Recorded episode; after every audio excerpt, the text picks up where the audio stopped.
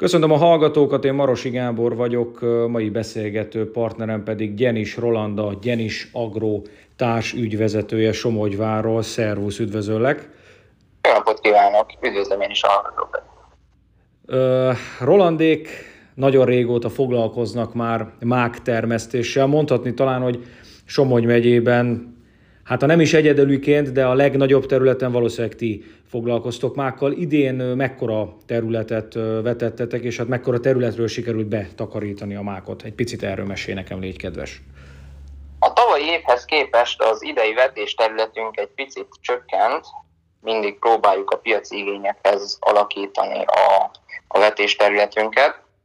Tavaly ez 70 hektár volt, idén pedig már csak 40-et vetettünk el, de ehhez képest úgy néz ki, hogy egész korrekt mondhatóak a termés eredményeink. Ez mit jelent pontosan a korrekt, tehát hogy mondjuk hektáronként mekkora, mekkora termés volt? Nagyjából úgy néz ki, hogy még nem végeztünk teljesen, még a, a teljes kihozatali számok nincsenek meg, de úgy néz ki, hogy olyan 800 és 900 kiló körül lesz a vége hektáronként. Ez akkor... Ami a mák szempontjából, ami a mák szempontjából jónak. Aha. Korábbi években mennyi volt, hogyha így visszaemlékszel rá? Nagyon változó, hogy is mondjam, igazán lehetne azt mondani, hogy évjárat függő.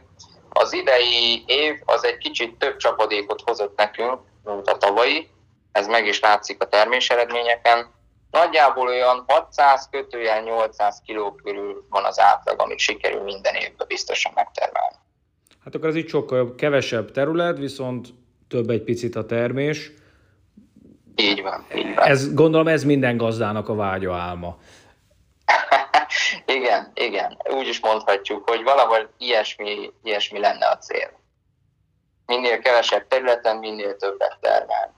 Jó, mondtad, hogy igazodtatok egy picit a, a piaci körülményekhez, ezért is csökkentettétek le a termőterületet. Mit jelent ez? Nehezen lehetett eladni, nem volt rá kereslet, vagy, vagy mi ennek az oka? Így van, nagyjából igen. De azt kell tudni, hogy mi megpróbálunk saját értékesítéssel, ami azt jelenti, hogy mi megtermeljük a mákot, fel is dolgozzuk, és háztól értékesítjük. Most ez a háztól való értékesítés, ez kicsit megnehezíti a dolgot, sokan talán nem is képesek rá, mert elég nagy munka és logisztika, és azt kell tudni róla, hogy a cseh piac határozza meg a magyarországi árakat is. Ha Csehországba sokat vetnek, és jó a termés, akkor az itthoni piaci árakat az rettentően befolyásolja, és általában nyomja is lefele. Viszont ha Csehországban kevesebbet vetnek, és kevesebb a termés, akkor van esély arra, hogy több felvásárló érkezik hozzánk, és egy jobb árszínvonalat tudunk elérni. Tehát akkor itt mindent a csehek határoznak meg a mák, mák piacon. Tehát ők a legnagyobb termelők tulajdonképpen a Európában?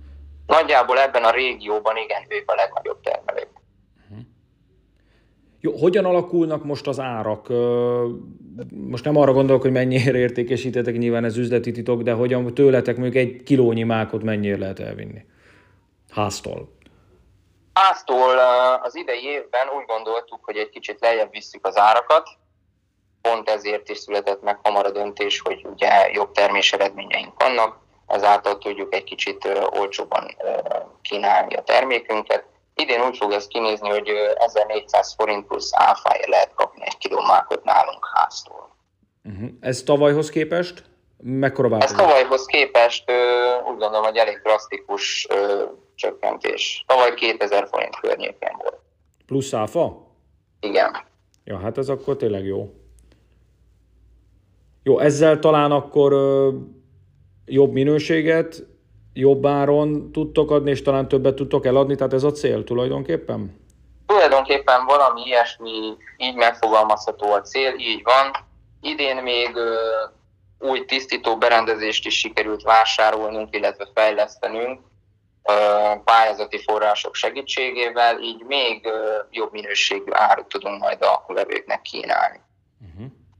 Jó, arról beszélj még légy kedves, hogy Somogyvár környékén rajtatok kívül foglalkozik-e még valaki mákkal, vagy tényleg ti vagytok talán a megyébe és az egyetlen, akik, akik ilyen nagy területen dolgoznak? A hivatalos bejelentésből úgy tudjuk, hogy nem. De ez volt a tavalyi év, idei évből nincsen információnk, mert bármikor bárki természetesen belekezdhet a termelésbe, illetve ennek nagyon úgy látszik, hogy itt is van az idejem, ha csak a gabonapiacot nézem, úgy gondoljuk, hogy minden termelő előbb-utóbb, kezdeni alternatív kultúrák felé hangolódni, mert sajnos a tömegtermelésben úgy látszik, hogy Magyarországon nem vagyunk versenyképesek. Uh-huh. Ti miért döntöttetek úgy évekkel ezelőtt, hogy, hogy a mák, mák lesz a, a megfelelő termék? Pont ezért, mert hogy a többi az úgy csökkent, vagy nem olyan áról lehetett eladni, vagy mi volt a fő ok? Úgy is mondhatnám, hogy vakszerencse, mert uh, igazából édesapám gondolta úgy, körülbelül 20 évvel ezelőtt, hogy ő szeretne valami újat is kipróbálni. Aztán otthon a családi ebédlő asztalnál megfogalmazódott valakinek a fejében ez az ötlet, megpróbálták, és eredményesen sikerült ezt csinálni, természetesen odaadó munkával és kitartóz meg rengeteg szorgalommal.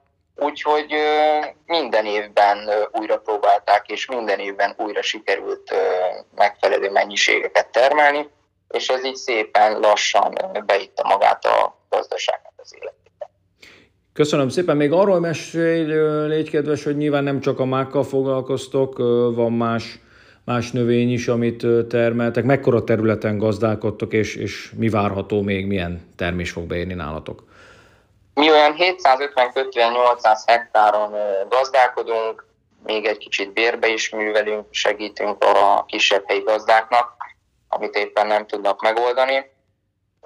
Még nagyon elején vagyunk az aratásnak, csak három napja megy, úgyhogy termés eredményekről még nem tudok beszélni, meg, meg butaság is lenne, de az biztos, hogy a csapadék helyzet az jobb, mint tavaly, ebből kifolyólag egy kicsit jobb reményeink vannak is, mint tavaly évben voltak. Miket fogtok még aratni? Még vissza van búzánk, repcénk, szójánk, napraforgók és kukoricák tavasszal, illetve van egy pici cirok is. Aha.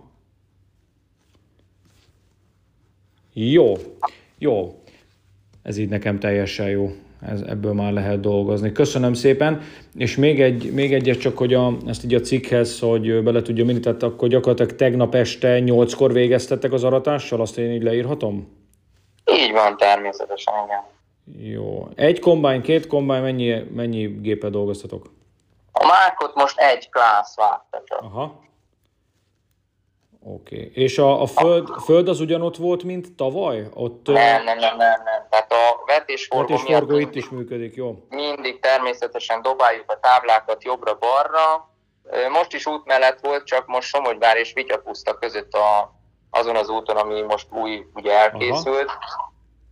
Aztán most nem ugye a főút mellett, ezért most nem is kapott akkora figyelmet, mint a ja, tavaly. Ja, ja. Oké. Okay. És a mákot is kell szárítani egy picit? Tehát ez is megy szárítóba majd? Nem, nem, abszolút nem. Ezt mindig, mindig úgy vágjuk, hogy éppen biztonsággal betárolható legyen. Aha, tehát itt nincs, amikor teljesen megérett, meg megszáradt a gubó. Aha. Így van, igen.